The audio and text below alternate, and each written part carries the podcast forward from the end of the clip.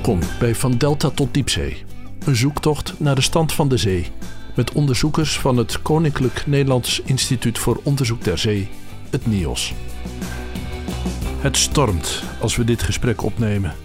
En vanuit het torentje van het NIOS is te zien hoe de dokter Wagenmaker licht schommelend de veerhaven binnenschuift. Meeuwen worden als snippers papier om haar heen geblazen. Te gast is vogelonderzoekster Tamar Lok, die aan het NIOS kwam om lepelaars te bestuderen. Tessel heeft vanouds een kolonie gehad, ook toen de vogel in de rest van Nederland bijna was verdwenen. Maar ze zijn weer terug, ook op de andere eilanden. Een vertrouwde, zwijgzame, sneeuwwitte, slanke en sierlijke verschijning. Hoog op de poten, bijna afgeleid en hoogmoedig, schrijdt hij door het water. De lange donkere snavel nijver zigzaggend voor zich uit. De vlucht gestrekt, recht van koers. Een lepelaar weet waar hij heen gaat, lijkt het. Beter zelfs dan de wetenschappers ooit konden vermoeden. Maar stapje voor stapje verovert Tamarlok terrein op het innerlijk van deze geheimzinnige, zwijgzame vogel. Regen slaat tegen de ruit aan van het Nios, schuimkopjes dan op het water van het Wat. Maar als Tamarlok met haar expertise over het Wat naar buiten kijkt, ja, wat ziet ze dan? Nou, eigenlijk de veranderlijkheid van het wat. Dus het is elke dag anders. Niet alleen de weersomstandigheden, maar ook uh, eb en vloed en de seizoenen. En wat ik het leukst vind om naar te kijken is uh, als het laag water is. Dus als, uh, als de zee weg is, de watplaten tevoorschijn komen en de vogels naar die watplaten komen. En aan die vogels kan je ook heel mooi zien wat voor seizoen het is, bijvoorbeeld. Want op dit moment zie je daar veel wulpen, eenden, scholeksters. Het is winter, het voorjaar begint, maar de broedvogels zijn nog niet terug. Tenminste, degene die ergens anders de Mhm. winter doorbrengen. Dus dat is uh, ja, wat ik het mooist vind aan, uh, aan het wat en wat ik zie vooral. Dus als je naar de zee kijkt, dan, dan verlang je eigenlijk naar het moment dat die zee even weg is. Ja, ja dat is het inderdaad. En uh, met dit weer, ga je gedachten dan ook uit naar die vogels die dat moeten... Ja, zeker. Ja, dus wij kunnen lekker binnen schuilen, maar je denkt wel... Ja, ik denk dan inderdaad aan de, de dieren die buiten met deze omstandigheden om moeten gaan. En zeker trekvogels die uh, nou ja, dit soort winderige condities prettig vinden als die wind uh, in de rug is, maar het uh, verschrikkelijk vinden als ze hem tegen hebben. Je hebt ook een, een, blog waarin je vertelt je onderzoek naar lepelaars. Komen we allemaal nog op, maar dan heb je het over Alex, je hebt het over Veer. De beesten hebben namen. Ja. En dan kan ik me voorstellen dat als je dit weer hebt, dat je denkt, nou Alex redt zich wel, maar ken je ze persoonlijk? Nee, ik ken ze niet. Uh, het is niet dat ik een naam heb gegeven omdat ik dacht, nou, dit, deze pa naam past beter bij dit, deze vogel dan die. Uh, ik weet natuurlijk wel um, waar ze vandaan komen. Ja. Dus in die zin weet ik ook hoe ze zich gedragen, welke gebieden ze gebruiken, waar ze zitten. En dan, daarmee kan ik wel een beetje inschatten van deze heeft waarschijnlijk uh, een betere conditie dan die. Ja. En ook op basis van wanneer ze vertrekken. Als jonge vogels heel laat nog hier zijn, terwijl de meesten al vertrokken zijn, dan ga ik me op een gegeven moment wel zorgen maken van uh, moet jij niet ook eens uh, er vandoor gaan? Ja. En, dus op die manier. Jij zei ook iets over de veranderlijkheid van het systeem, dat dat je zo aanspreekt. Waarom eigenlijk? Omdat het iets is waar de dieren mee te maken hebben en wat mij intrigeert hoe ze daarmee omgaan. Dus of ze inderdaad een goede beslissing maken dat als het wind tegen is bijvoorbeeld, dat ze dan inderdaad weten, of of ze dat weten, dat ze dan beter nog even kunnen wachten om te, op trek te gaan. En hoe ze dat doen. Want, en je ziet namelijk dat heel veel vogels daar inderdaad rekening mee houden. Ja, toch? Ja. Ja, want je hebt een interne drang om te gaan. Ja. Maar je hebt de omgevingsfactoren die dat beïnvloeden. En ja. jouw vraag is, volgens mij zitten we dan in de kern van wat je onderzoekt. Wat geeft de doorslag? Ja, precies. Ja. Waar kom je zelf vandaan? Ik ben geboren en getogen in Hengelo, in het oosten van het land. In het Twentse of in het Achterhoekse Hengelo? In het Twentse. Oh. Je bent goed op de hoogte. Ja, maar ik kom, daar kom ik ook weg. Oh, Oké. Okay. nou, dat schept een band, hè? Ja, je bent dan weer tukkers, ja. ja. maar dat is een flink eind van de zee vandaan. Ja, klopt, ja. Maar hoe, hoe ging dat dan met jou in de zee? Nou, mijn ouders die, uh, waren erg fan van de, van de Waddeneilanden, van het natuur in het algemeen. Wat was jouw eiland? Nou, het begon met Texel. Oh. Toen werd het Terschelling. En uiteindelijk kwamen we terecht op Vlieland. En daar zijn we eigenlijk eh, vervolgens elke vakantie waarop het maar kon, zaten wij op Vlieland. Dus als ik wil weten hoe Tamarlok in elkaar zit, moet ik dan weten wie haar ouders waren of moet ik weten hoe ze is opgevoed? Nou, dat is een goede vraag, want mijn ouders hielden van de natuur. Dus ik ben opgevoed met de natuur. Dus die twee zijn eh, in mijn geval eh, lastig van elkaar te onderscheiden.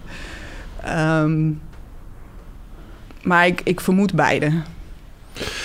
De, het nature en nurture debat is dat, hè? Van ben je je genen of ben je datgene wat je hebt meegemaakt? Ja. Dat is ook de grote vraag die jij stelt aan je vogelonderzoek. Maar is het zo dat er ook een, een overlap is? Dat, dat in, op, op een zeker niveau datgene wat voor vogels opgaat, dat het ook voor andere beesten opgaat, dat het ook voor de beestmens opgaat? Ja, zeker. Dus het is natuurlijk een algemeen principe dat je, dat je genen hebt meegekregen, maar dat de omgeving waarin je opgroeit een hele grote invloed heeft op hoe je uiteindelijk wordt. Heb jij broers en zussen? Die- Ik heb een zusje. Ja. Die- En zusje ging ook mee naar de Waddeneilanden. Ja. Zusje heeft dezelfde ouders. Is hij ook zo dol op de zee? Ehm, nou, dat is een goede vraag. Ik denk wel dat ze dol is op de zee, maar ze- zij heeft veel meer dat ze ook hecht aan de plek waar ze geboren is. En dat ze, dus zij woont nog steeds in Hengelo Ja. en dat vindt ze prettig. Ja. Dus in die zin eh, ja, zijn er ook individu- duidelijke individuele verschillen daarin. Dus dat de omgeving niet alles eh, op dezelfde manier beïnvloedt. Behalve dat zij natuurlijk altijd het jongere zusje was, wat natuurlijk een andere omgeving is gedurende de hele opvoeding. Ze heeft dus ook een oudere zus die zich op deze manier gedraagt. Dus zij moet ook een niche vinden waarop zij zich gedraagt. Ja, precies. Ja. Ja. Als een echte tukker ben je toen je ging studeren naar Groningen gegaan. Klopt. Ja, ja. biologie. Ja. Kwam dat uit de lucht vallen of had dat ook hiermee te maken, denk je? Van je ouders, natuur. Eh, ja, ik wist eigenlijk al wel behoorlijk jong dat ik graag eh, biologie wilde, wilde gaan studeren. Of jong, ik denk dat ik twaalf was of Ja. zo. Ja, omdat ik het liefst in de natuur ben. En daar gewoon door geïntrigeerd ben geweest altijd. Was het voor jou logisch om ook bij eh, gedragsonderzoek van vogels terecht te komen? Of, eh, Nou, dat was op dat moment denk, voor mij nog niet duidelijk. Wel dat ik iets met, met ecologie, dus echt niet moleculair en niet, geen medische biologie, dat, dat wilde ik niet. En, en gedrag en ecologie, dat waren de dingen waar ik, waar ik vooral in geïnteresseerd was. Ja. En dat, daar stond Groningen goed ja. voor aangeschreven. Dus vandaar dat ik, eh, dat ik daar naartoe ben gegaan.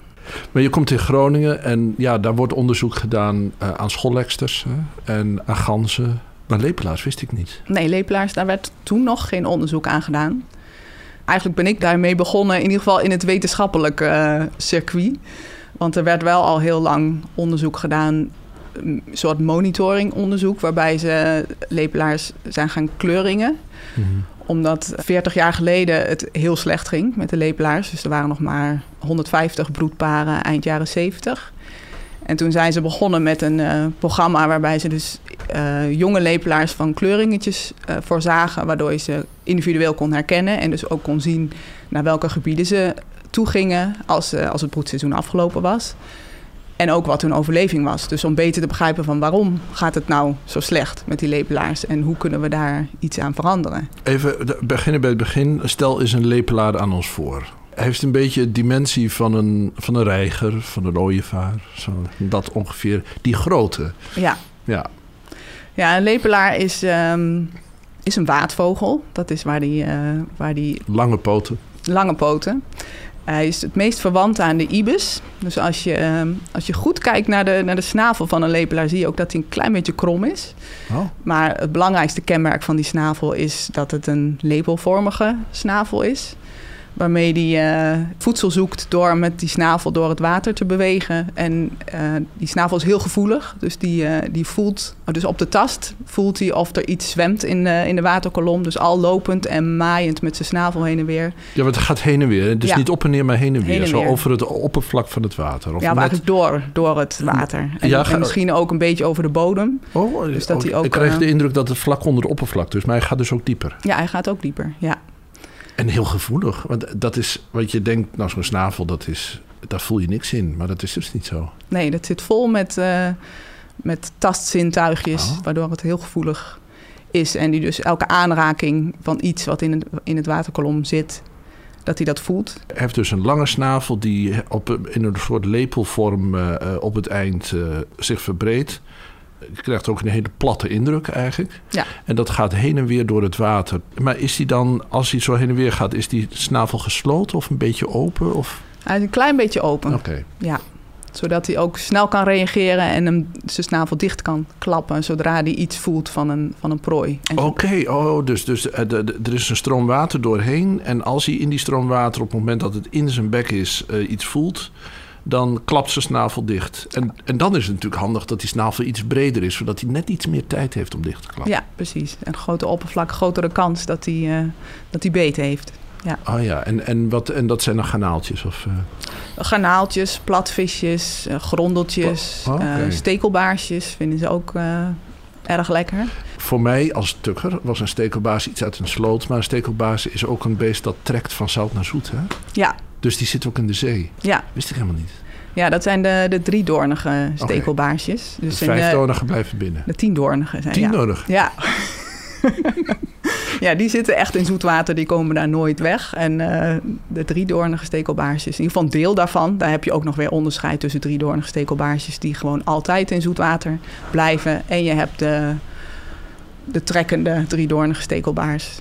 die inderdaad in de zee overwintert en in het zoetwater paait. Betekent dat dat de lepelaar hier het hele jaar blijft? Nee. Die stekelbaarsjes zijn vooral uh, beschikbaar voor lepelaars in het, in het vroege voorjaar. Want dan trekken ze vanuit de zee naar het zoete water. En dan komen ze in onder die ondiepe Waddenzee en in, uh, op plekken waar er, waar er doorgangen zijn voor die Ja, stekelbaarsjes. Om ook in het zoete water terecht te komen. Want Ja. dat was lang ook een probleem, maar dat wordt steeds beter nu. Eh, Kunnen ze in het vroege voorjaar heel goed forageren op die stekelbaarsjes. Maar naarmate het voorjaar vordert, dan worden die sloten, die groeien dicht met waterplanten en wordt het minder beschikbaar. En dan, eh, in ieder geval de lepelaars in de Waddenzee, die, die schakelen dan over naar garnaaltjes en, en platvisjes. Dus meer in het Wadden. Zou je, zou je kunnen zeggen dat ze kieskeurig zijn? Of eigenlijk eh, eh, op basis van dit verhaal... dat ze eigenlijk alles wel eh, van een bepaalde grootte opeten? Nou, we hadden eigenlijk lang het idee dat lepelaars die in, in de Waddenzee broeden en, en in de Waddenzee ook fourageren, dat die vooral garnalen aten. En dat idee was eigenlijk gebaseerd op het feit dat als je de, de jonge lepelaars gaat ringen, dat ze soms nog wel eens hun, de neiging hebben om hun voedsel eh, op te braken. En dat is ontzettend roze. Dus daar zie je. En dat, is, dat komt door die garnalen die, er, die Ja. erin zitten. Dus je ziet eigenlijk alleen maar resten van garnalen. Dus dat was het algemene Ja. idee van nou ze. En dat, die, de garnalen zitten heel veel in de Waddenzee. Dus het, dat leek ook logisch. Maar toen we beter zijn gaan kijken naar die, naar die kotsjes, wat het eigenlijk zijn, eh, zagen we dat er eigenlijk heel veel vissenbotjes in zaten. En die zag je pas op het moment dat je onder de microscoop Ja. naar die, eh die Ah, ja. uitwerpselen ging kijken. Dus ze zijn eigenlijk eh, behoorlijk kieskeurig, want ze hebben een voorkeur voor, voor vis boven, boven garnaal, kwam daaruit. Alleen vis is kleurloos en garnaal eh, geeft een kleur af. En dat, daardoor was je, was je op het verkeerde been eigenlijk. Ja, en, Ja. en garnaal is minder goed verteerbaar. Dus er Oh, zitten ja, heel veel resten in die, schalen. eh, die, ja. die gewoon in overblijven.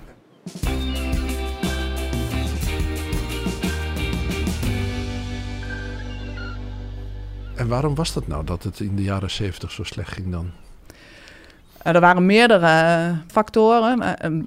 Historisch gezien werd er, ehm, werden er eieren geraapt van lepelaars. Dus was dat gewoon een soort delicatesse. En eh, zelfs jonge lepelaars werden, werden gegeten. Maar dat, dat is langer geleden. Maar, eh, en daarna is het, ging het weer iets beter met lepelaars. Maar vervolgens eh, kwam er een periode waarin ze insecticiden zijn gaan gebruiken in de landbouw. En die kwamen terecht in het, in het oppervlaktewater. En daarmee in het fourageergebied van lepelaars en van heel veel andere Ja. watervogels die, die massaal doodgingen daaraan. En is het zo dat op het moment dat die pesticiden zijn teruggebracht, dat, het, dat je al gelijk het effect zag? Ehm, nou, dat, is, dat ging vrij traag eigenlijk. Oh. En, en deels komt dat ook omdat het een, een langlevende soort is. Dus voordat hij zich hersteld heeft. Oh, Moet hoe hij oud wordt een lepelaar? De oudste lepelaar die we op basis van kleuringen hebben kunnen vaststellen is 26 jaar. Oh ja. En, eh, ja want ik zag ergens dat een albatros van 70 weer een ei had gelegd. ja, Dus dat ja daar kan de lepelaar niet aan tippen. Maar Maar 26 is voor een, eh, voor een vol. Ik bedoel, als je kip 26 wordt, dan heb je echt wel iets. ja, dan, eh, ja, precies. Dus het, het is wel eh, een, een behoorlijk langlevende soort. Maar dat zijn de uitschieters. Dus gemiddeld wordt die 12, 13 jaar. Het terugbrengen van pesticiden is natuurlijk weer typisch zoiets wat jij zou scharen onder de verandering. Ja. En dan kijken hoe de soort reageert. Ja. En iedereen die kippen heeft, die weet, een vogel is een gewoontedier. Dus ik weet niet hoe dat met lepelaars is. Maar ik neem aan dat het niet vanzelfsprekend is voor een beest om zijn gebied uit te breiden, om zijn manier van doen te veranderen. Is een lepelaar ook een, een gewoontedier? Ja, ik denk dat, eh, dat je dat in principe wel zo kan stellen. Maar ze zijn, als ze echt daartoe gedwongen worden, dan zijn ze ook in staat om, om rigoureuze veranderingen Het is een beetje alles door te niets. voeren. Ja, eigenlijk wel. Ja, zolang een gebied redelijk geschikt blijft, dan, dan zullen ze er blijven. Maar als het echt eh, niet geschikt meer is, eh, wat bijvoorbeeld gebeurd is in, eh, in de jaren negentig, toen, toen zat er een hele grote kolonie in de Oostvaardersplassen. Mhm.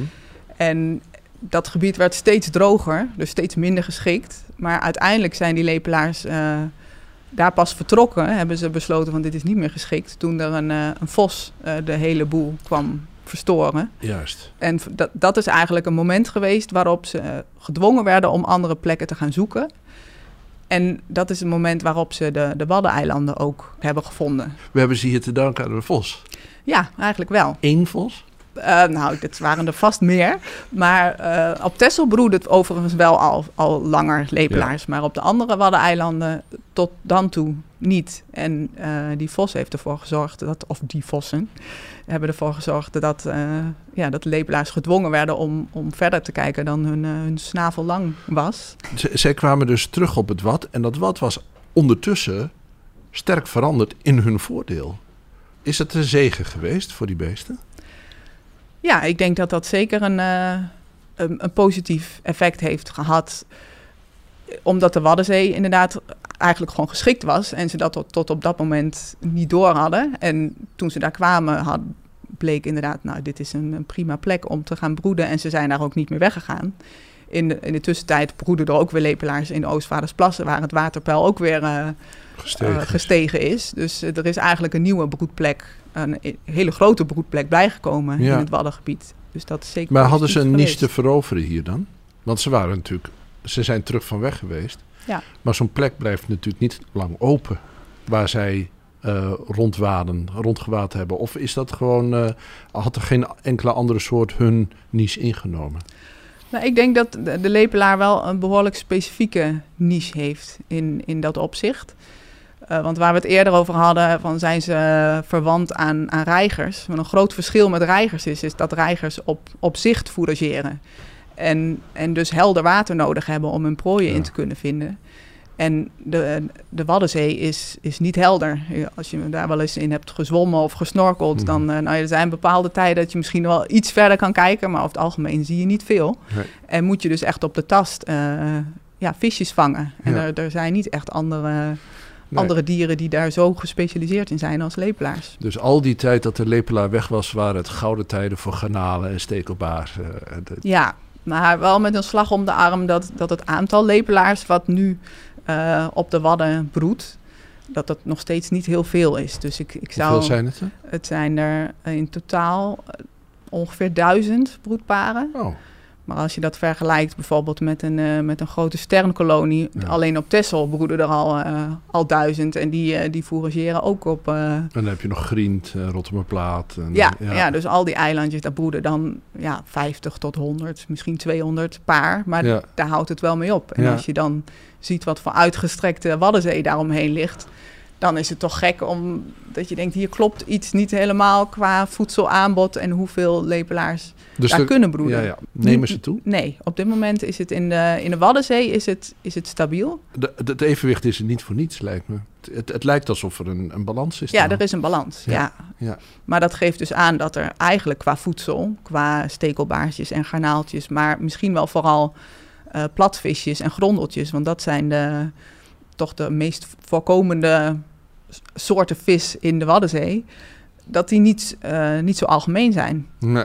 Dus dat, eh, dat daar nog wel wat, wat winst te behalen valt. Ja, ja. Het vraag en aanbod is nu in evenwicht. Dat is ja, nogal logisch. Ja. Eh, maar wat jou betreft kan het aanbod wel wat omhoog. Ja, dat, Ja, ja. dat gevoel heb ik wel. Ja.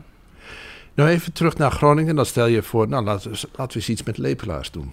En men zei, ja, natuurlijk. Of niet? Hoe ging dat? Nou, het ging eigenlijk zo dat ik eh, in een soort luxe positie verkeerde, waarbij ik zelf mocht bedenken wat voor eh, promotieonderzoek ik wilde gaan doen.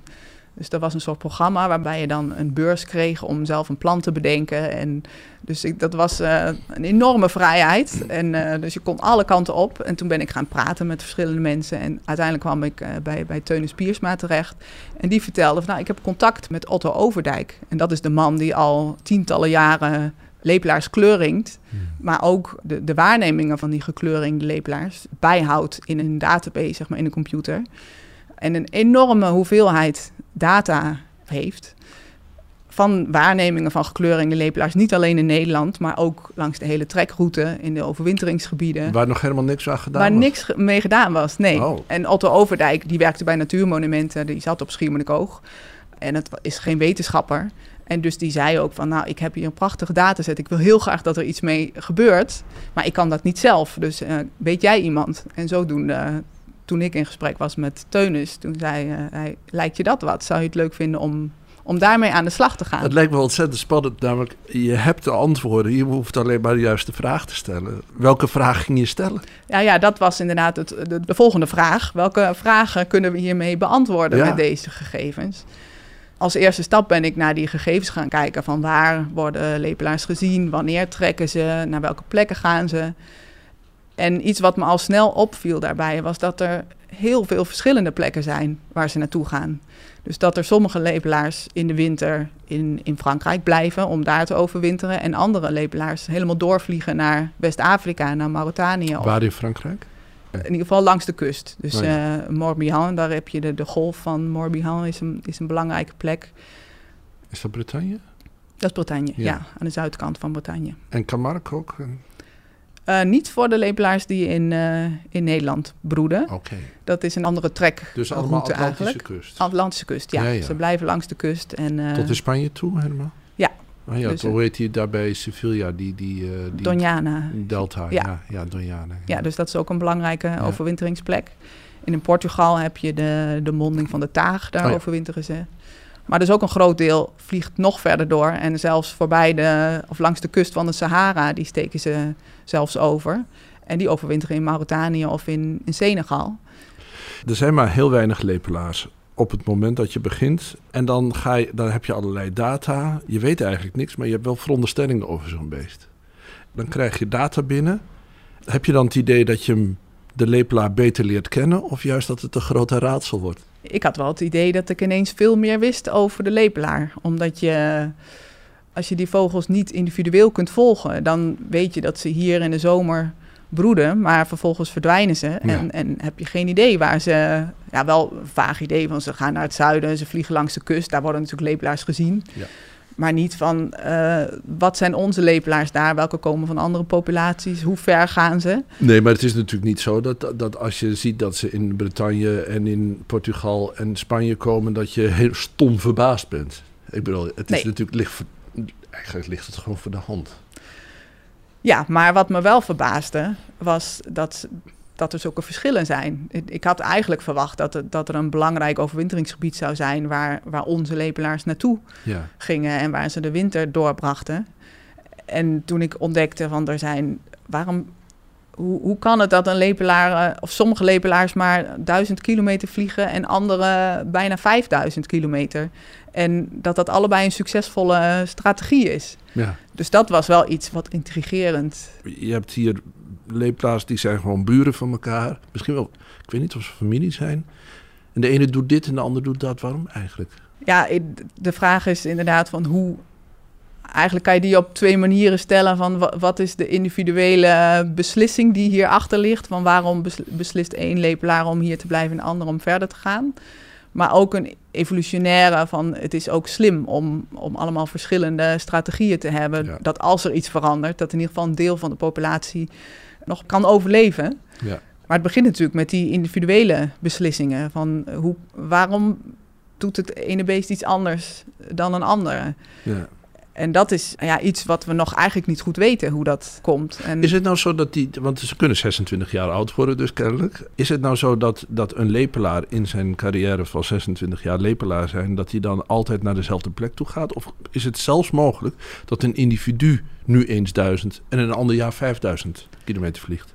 Nou, dat is dus iets wat we op basis van die, van die kleuringen, van die waarnemingen van dus die vogels die we individueel kunnen herkennen, hebben kunnen aantonen dat ze, dat ze heel plaatstrouw zijn. Dus dat ze inderdaad, uh, zodra ze een keuze hebben gemaakt van ik ga hier overwinteren, dan komen ze daar elk jaar weer naar diezelfde plek om daar weer te gaan overwinteren. Ja, zoals wij altijd naar Vlieland gingen, zeg maar. Ja, ja, dat is een keuze die vroeg in je leven gemaakt wordt door bepaalde omstandigheden, toeval of, uh, of misschien zijn er andere ja, misschien ook genetische dingen die daar een rol bij spelen, maar die ervoor zorgen dat jij dat gaat doen.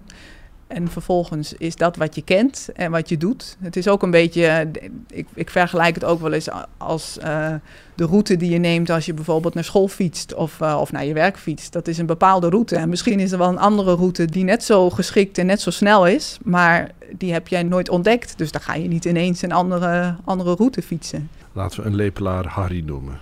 Harry is een duizend kilometer lepelaar. En Harry krijgt een zoon, Piet. Is het mogelijk dat de zoon van Harry een andere beslissing neemt dan zijn vader? Harry gaat altijd naar Bretagne. Gaat dan Piet misschien wel naar Mauritanië? Ook al is hij een zoon en heeft hij het voorbeeld van zijn vader gezien. Of hoe zit dat eigenlijk? Nou, dat is iets wat ik, wat ik op dit moment aan het onderzoeken ben. En iets wat we, dus, wat we nog niet weten. Um, en wat we bij lepelaars dus heel mooi kunnen onderzoeken. Omdat lepela eigenlijk een van de weinige soorten is waarbij je zowel in het broedgebied heel goed naar ze kunt kijken en ze kunt bestuderen. En ook heel veel informatie hebt over waar ze in de winter naartoe gaan.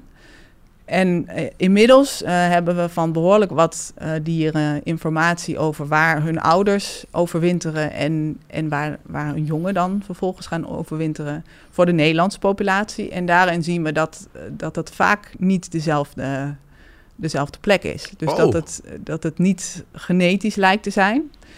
En, uh, en ook dat ze niet met hun ouders meevliegen. Weet je, dat verbaast me heel erg. Want ik, ik meen dat je hier twee soorten kanoeten hebt. En de ene die gaan uh, uh, heel trouw als groep naar één plek. En de andere gaan heel trouw als groep helemaal naar Mauritanië. Ja. Maar bij lepelaars is dat dus anders. Je kan dus van de ene groep gewoon in de andere terechtkomen. Op basis van, ja, wat eigenlijk? Ja, precies. Dus het is de groep van verschillende strategieën is, is gemengd eigenlijk. Uh, op, in, als je in, op, bijvoorbeeld op Schiermonnikoog in de kolonie kijkt, dan zitten daar lepelaars die in Spanje overwinteren of in Frankrijk of in West-Afrika. Die, die zitten allemaal door elkaar. En, en, die, die, die hebben ook partnerkeuzes door elkaar heen? Ja, die, dat, dat mixt ook. En het lijkt dus niet eens genetisch bepaald te zijn. Maar dat wil niet zeggen dat het niet geleerd kan zijn. Dus ze, we weten dat ze niet met hun eigen ouders meevliegen. Maar we zien wel, als je tijdens de trekperiode kijkt, zie je dat lepelaars wel in gemengde groepen vliegen. Dus dat er groepen zijn waar zowel volwassen lepelaars als jonge lepelaars in zitten die op trek gaan. Dus daar hangt het mee samen, mogelijk. Dat vermoeden we, ja. Want je hebt ook, en dat is helemaal mind-boggling, je hebt ook vogels waarvan de als de jongen zijn uitgebroed, de ouders eerst vertrekken. En die jongen die nog nooit ergens geweest zijn, die gaan dan uit zichzelf. maken ze zo'n enorme tocht en komen op de goede plek terecht. Maar dat is dus niet zo bij de lepelaars. Lepelaars vliegen, de jonge lepelaars, die vliegen mee met oudere lepelaars. Ja, in ieder geval het grootste deel doet dat. Je, je hebt wel, als je helemaal aan het einde van het broedseizoen komt, dan zijn alle volwassen lepelaars al weg. En dan zitten er nog jonge lepelaars die het ook alleen moeten doen. En dat ook proberen. Dus ze gaan op trek. Maar we zien ook dat veel van die lepelaars, van die jonge lepelaars, dat niet redden. Dus dat ze op een of andere manier niet, uh, niet de goede keuzes maken, dan niet de goede gebieden vinden waar ze onderweg kunnen stoppen. Dus daar uh, het lijkt voor de lepelaar in ieder geval heel belangrijk om wel in, uh, in groepen te vliegen met, met volwassen soortgenoten.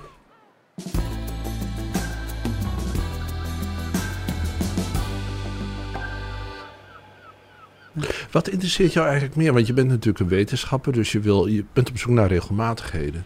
Ja, maar ik denk dat het ook uh, inderdaad heel belangrijk kan zijn om zeker in een, in een wereld die verandert, om juist te snappen wat, wat de individuen doen die, uh, die het anders doen dan de rest. Die misschien juist wel dingen ontdekken die, die heel succesvol blijken te zijn achteraf. Ja. Zoals die lepelaars die naar, naar het Waddengebied gingen. Dat zijn een paar, in, misschien een paar individuen geweest die, daar, uh, die dat voortouw hebben genomen en die iets anders deden dan, dan de norm. En uiteindelijk heel succesvol werden. En ik denk dat dat wel een heel belangrijke component is om ook uh, te, ja, misschien wel beter te kunnen reageren op veranderingen in de omgeving. Dus als je het heel extreem uh, zegt, dan zou het misschien wel kunnen dat die jongen die het zelf moeten doen, ook al zijn er heel veel die dat niet redden, zijn er misschien een aantal die het wel redden en die ineens een plek vinden die die volwassen lepelaars nog nooit hadden, hadden nee, ontdekt. In, in hun wildste fantasie je niet hadden kunnen nee, voorstellen. Precies. En bovendien over dat, uh, uh, dat gaan we dus niet doen. Ja. nou weet ik dat je eieren van het ene lepelaarpaar uh, laat uitbroeden door het andere lepelaarpaar. Wat, wat kan je dat even uitleggen wat je dan doet? Wat ik daarbij doe is dat we de eieren van lepelaars die hier in Nederland op Schiermonnikoog broeden verwisselen met die van lepelaars die in de Camargue in Zuid-Frankrijk broeden. En dat zijn twee. En omgekeerd. Neem en omgekeerd, ja. ja. En dat zijn twee totaal verschillende populaties die uh, niet alleen niet met elkaar mengen. Dus uh, die, de Camargue ligt niet op de trekroute van de, van de Nederlandse lepelaars. Komen elkaar nooit tegen. Nee, en ze, en ze hebben ook een heel andere trekrichting. Dus de, de lepelaars die in de Camargue uh, overwinteren, die trekken in een zuidoostelijke richting en die overwinteren in, in Noord-Afrika. En onze Algerije lepelaars, zo, ja, Algerije, Tunesië. Ja. En onze lepelaars die gaan juist in zuidwestelijke richting en naar, nou ja, wat al eerder zijn, Frankrijk, Spanje, West-Afrika. Dus die, die vliegen langere afstanden gemiddeld en in een andere richting.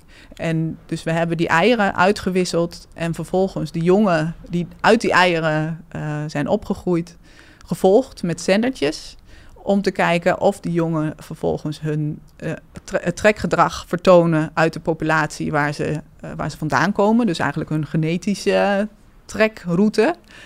Of dat ze de, de route volgen die, de, die hun omgeving, uh, dus de populatie waarin ze zijn opgegroeid, volgt. Ik kan me voorstellen dat het gewoon zo, zo spannend is. Dat je, maar je komt op een gegeven moment op het idee natuurlijk. Ik denk van, oh, laten we dat doen. Kijken ja. wat er gebeurt. Ja.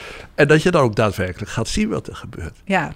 Dus je zou verwachten dat als de genetische component sterker is, als, als nature sterker is dan nurture, dus uh, je genen sterker dan je opvoeding of je voorbeeld, dan zou je verwachten dat de beesten die in Camargue zijn gelegd, die eieren, die op Schiermonnikoog uitkomen, nou dat die in eerste instantie al totaal in verwarring zijn. Ja. Waar ben ik nu? En dat, ze en dat ze uiteindelijk toch proberen naar Algerije te komen de vraag is dan inderdaad of ze in hun hoofd hebben dat ze naar Algerije moeten. Maar het zou ook kunnen dat ze in hun hoofd hebben: ik moet een bepaalde kant op. En dan zouden ze in de, in de Zwitserse Alpen terechtkomen. Een totaal ongeschikte plek voor, voor een lepelaar. Ja, dat zeg jij. Dat weet. zeg ik, maar misschien is daar, ja, daar, daar, heb je gelijk in. Misschien zit, zijn daar gebieden die gewoon wel geschikt zijn om te, om ja. te overwinteren. Maar goed. Dus, maar ik, ik deed dat experiment natuurlijk met. Ik had een hele sterke verwachting dat dat, dat sociale uh, leren van die trekroute, dat dat heel belangrijk zou zijn. Dus ik, nou ja, ik verwachtte dat ze inderdaad niet die verkeerde kant op zouden. Of ja, of dat dan verkeerd is, dat weet je dan inderdaad niet. Maar. Uh, nou, jij, zelfs, jij verwachtte dat element voor voorbeeld een opvoeding, of opvoeding, maar voorbeeld, dat het sterker zou zijn dan de genetische drang. Ja, precies. En nou is het ontzettend spannend. Uh, wat gebeurde er?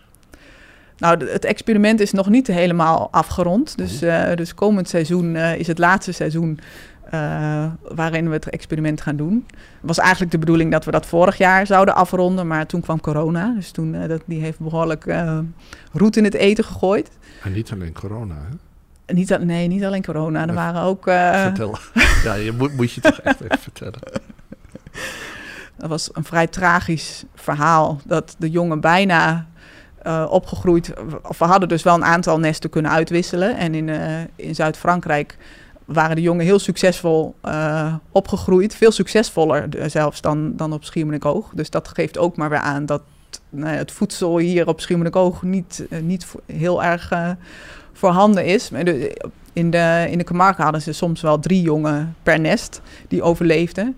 Dus het was echt, we dachten, nou, dit wordt enorm succesvol. En we gaan meerdere jongen per nest gaan we een zendertje geven, zodat we heel veel gegevens kunnen verzamelen. En toen een paar dagen voordat, voordat het zover was dat de jongen kon uh, vliegen, dus dat ze een zendertje zouden, zouden krijgen, toen is een, uh, waarschijnlijk een wild zwijn daar de boel komen verstoren. En toen de, de mijn collega-onderzoekers in de kolonie kwamen, toen lagen er bijna honderd dode jonge lepelaars in die kolonie. Dus het was dramatisch. Uh, maar einde. je denkt aan een zwijn, niet aan een vos. Want uh, dat was het verhaal hier van de Oostvaardersplas. Ja, nou, ja. De, het, het, sterkste vermoeden is een, een, zwijn. Maar het zou ook nog kunnen dat, uh, dat een vos daar ook mee heeft gespeeld. Dus je hebt eigenlijk nog geen, geen enkel resultaat? Of nee, is dat toch... wel. Dus oh. we hebben in, in 2019 zijn we, zijn we begonnen. En toen hebben we een, een, het op kleine schaal gedaan... om inderdaad een eerste aanwijzing te krijgen... of die omgeving inderdaad belangrijker lijkt te zijn... En dat lijkt zo te zijn. Dus er was geen enkele jonge lepelaar die in Nederland was opgegroeid, die in zuidoostelijke richting, richting Duitsland of Zwitserland vloog. Alleen nou ja, het aantal, uh, de steekproefgrootte, die was nog heel klein. Dus uh, we hebben ja. toen uh, tien lepelaars in, in Nederland en tien in Frankrijk gevolgd. En toen was het idee om dat afgelopen seizoen dan nog veel, in, op veel grotere schaal te uitvoeren. En dat is niet gelukt dus nu komend seizoen ja, is het spannend of het, dan, uh, ja. of het dan gaat lukken om het wel succesvol Het is toch geweldig uit dat te je voeren. daar op die manier achter kan komen. Ja. Vogels houden elkaar misschien wel veel meer in de gaten dan wij ons kunnen voorstellen. Dus toch ook dat, uh, dat kanoetenonderzoek waar blijkt dat, dat een kanoet die links en rechts een beest ziet, dat, dat die in de gaten houdt of het beest links uh, succesvoller is met het vinden van voedsel dan rechts. Ja. Uh, het lijkt alsof het ja, gewoon een beest met een snavel die op, op, in de modder staat. Maar ze kijken, ze houden elkaar enorm in de gaten. Ja. En dat is het bij lepelaars ook zo. Ja, absoluut. Het, zijn, het is een hele sociale vogel. En uh, wat het ook. En het, maar ondertussen is dat ook heel moeilijk om, om aan te tonen dat dat sociale aspect een belangrijke rol speelt. Ja. Omdat je, je niet non-stop die vogels kunt volgen en kunt zien met welke soortgenoten ze, Nee. ze optrekken. Dus in die zin is, is zo'n experiment waarbij je eigenlijk die hele sociale informatie in één keer totaal verandert. Dat is een hele mooie manier om, om inderdaad daar meer over te leren. Hoe belangrijk dat sociale gedrag is wat, uh, wat die lepelaars vertonen. Hoe lang ben je nou met lepelaars bezig trouwens? Ik ben begonnen in 2005. Dus Oké, 16 jaar al. 16 eh, jaar. Komen de lepelaars je neus uit? Of, uh? Nee. Nee. maar is, Nee. Er, is, iets, is er iets waarvan je. Uh, uh, wat ergert je nou echt aan een lepelaar? um, dus even nadenken. Is er iets wat me ergert aan lepelaars? Um, ik geloof niet dat ik iets kan bedenken, nee. Nee. Misschien dat ze je, als je ze ringt, dat ze je helemaal onder, onderscheiden. Dat dat, Oh, dat dat, wel. dat wel wat minder kan, maar daar, daar houdt het dan ook wel mee op. Ja, maar goed, in een echte goede relatie moet dat kunnen. Ja, precies. Dus dat, eh, dat accepteer ik ook geheel. eh, dat is natuurlijk... En wat is, want maken ze een leuk geluid of zo? Wat, wat, wat, waar, waarin hou je echt van een lepelaar? Of is dat er eigenlijk ook niet? Is die keerzijde er ook niet? Uh, je bedoelt de keerzijde van... van de ergernis. Dat, dat je zeg maar juist heel erg van, van een lepelaar houdt.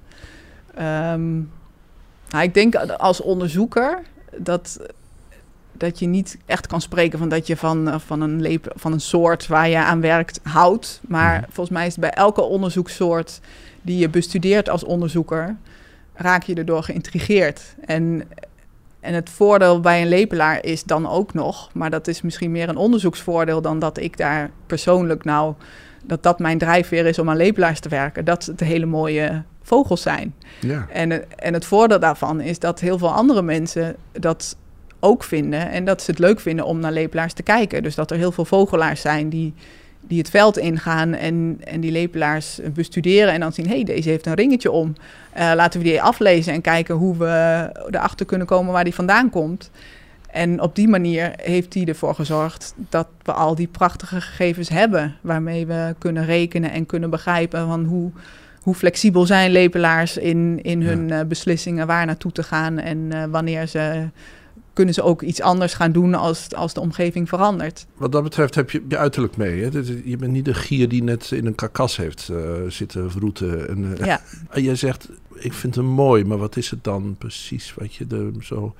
Is hij, hij is mooi wit, hij is sierlijk, hij is ja, slank. het is een sierlijke vogel. En, maar ook denk ik wel het... Uh, de sociale interacties die, uh, die ze hebben en die je echt kunt, kunt observeren als je bijvoorbeeld in de, in de kolonie komt en daar met een schuilhutje gaat zitten om niet alleen ringen af te lezen, maar ondertussen zie je ook van alles wat daar plaatsvindt in die kolonie. Dat ze elkaars uh, takken uit de nesten zitten te stelen. Of dat ze juist heel liefkozend, als, als de een dan heeft, op de eieren heeft gebroed en de partner komt terug, dan zie je ze elkaar echt begroeten.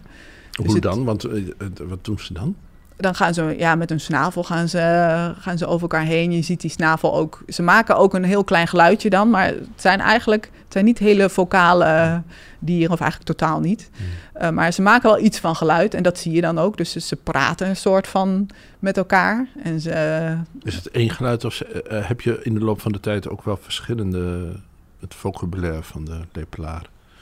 Nee, dat, het, is mij niet gelukt om daar uh, een onderscheid in te maken. Nee. Zit papa ook wel eens op het nest? Of, uh, ja, het... ja, het oh. zijn wat dat betreft ook hele sociale dieren. Die delen gewoon de, de ouderlijke zorg uh, min of meer gelijk.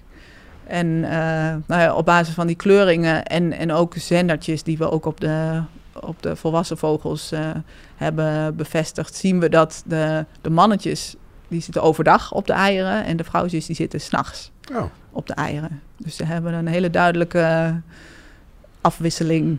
Maar het is eh. niet zo makkelijk te zien wat nou mannetje of vrouwtje. Dan moet je echt aan de ringen zien, denk ik, of niet? Of ja, ja, aan de ringen. Maar als, als je een beetje geoefend bent, dan zie je het ook wel aan. De vrouwtjes zijn iets kleiner dan, oh, dan mannetjes. En oh, als, ze, als je ze in paard, als paardje ziet, nou, dan, weet je dan is dat verschil meestal wel, wel duidelijk. Maar inderdaad hebben we, als, op het moment dat we ze ringen, dan nemen we ook een klein bloedmonstertje. En op basis daarvan kunnen we bepalen of het een mannetje of een vrouwtje is. Dus dan weten we het ook 100% zeker. Wat is voor jou nog steeds een raadsel? En wat zou je zo graag willen weten? Nou, eigenlijk beginnen, staan we pas aan het begin van, van begrijpen wat nou de, de factoren zijn die, die van invloed zijn op de beslissingen die lepelaars maken tijdens de trek. En, en ook uh, ja, wat voor gebieden ze gebruiken.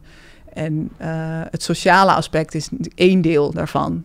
Maar het voedselaanbod is natuurlijk ook een hele belangrijke die, uh, die mee zal spelen. En hoe al die factoren met elkaar uh, ja, een, in interactie zijn eigenlijk, dus samen spelen. Dus ook degene van wat, wat voor informatie heeft hij uit zichzelf. En hoe leidt dat uiteindelijk, als je dat allemaal bij elkaar stopt, tot een beslissing ja. om, om ergens uh, wel een bepaalde kant uit te vliegen en, en ergens uh, ja, de winter door te brengen en vervolgens weer terug te vliegen. Dus eigenlijk dat, die, die routines die ze ontwikkelen in hun vroege, vroege leven, wat daar allemaal uh, een rol bij speelt. En dat beginnen we pas een heel klein beetje te begrijpen en daar is nog zoveel aan te ontdekken. Ja, ik vind het grappig dat die, die beslissing nemen. Laatst zag ik een, een, een duif op het dak zitten. En die, die zat de hele tijd naar links, naar rechts te kijken. Op een gegeven moment besloot hij om te gaan vliegen. En toen dacht ik, weet hij nou waar hij naartoe gaat? Ja, ik denk het wel. Ja? Als het een volwassen duif was, tenminste. Ik denk ook wel dat hij het weet, maar het is, als je erover gaat nadenken, dan is het gewoon, dan merk je hoe lang het geleden is dat jij een gezamenlijke voorouder met de duif hebt gehad. Zeg ja, ja, zeker. Het is bijna gewoon eigenlijk niet voor te stellen wat zich daar afspeelt in dat hoofd. Ja. Of, of er zich iets afspeelt in het hoofd. Ja, en, en zeker met de trek ook. Als je naar je werk gaat, dan dat doe je elke, misschien elke dag of elke twee dagen. Maar zo'n trek, dat doe je één keer in het jaar. En hoe zijn die vogels in staat om, om een heel jaar lang dat in hun geheugen te houden? Van waar ben ik vorig jaar precies gestopt en, en dat vervolgens weer ja. op precies dezelfde eh, manier te doen. Nou, niet precies hetzelfde, maar wel op precies dezelfde plek uh, uit te komen. Denkt de vogel na? Denkt hij iets? Droomt de vogel? Ik zou het niet weten. Nee. Goed, nou, wie weet komen we daar ook nog eens achter. Heel erg bedankt voor het gesprek. Dit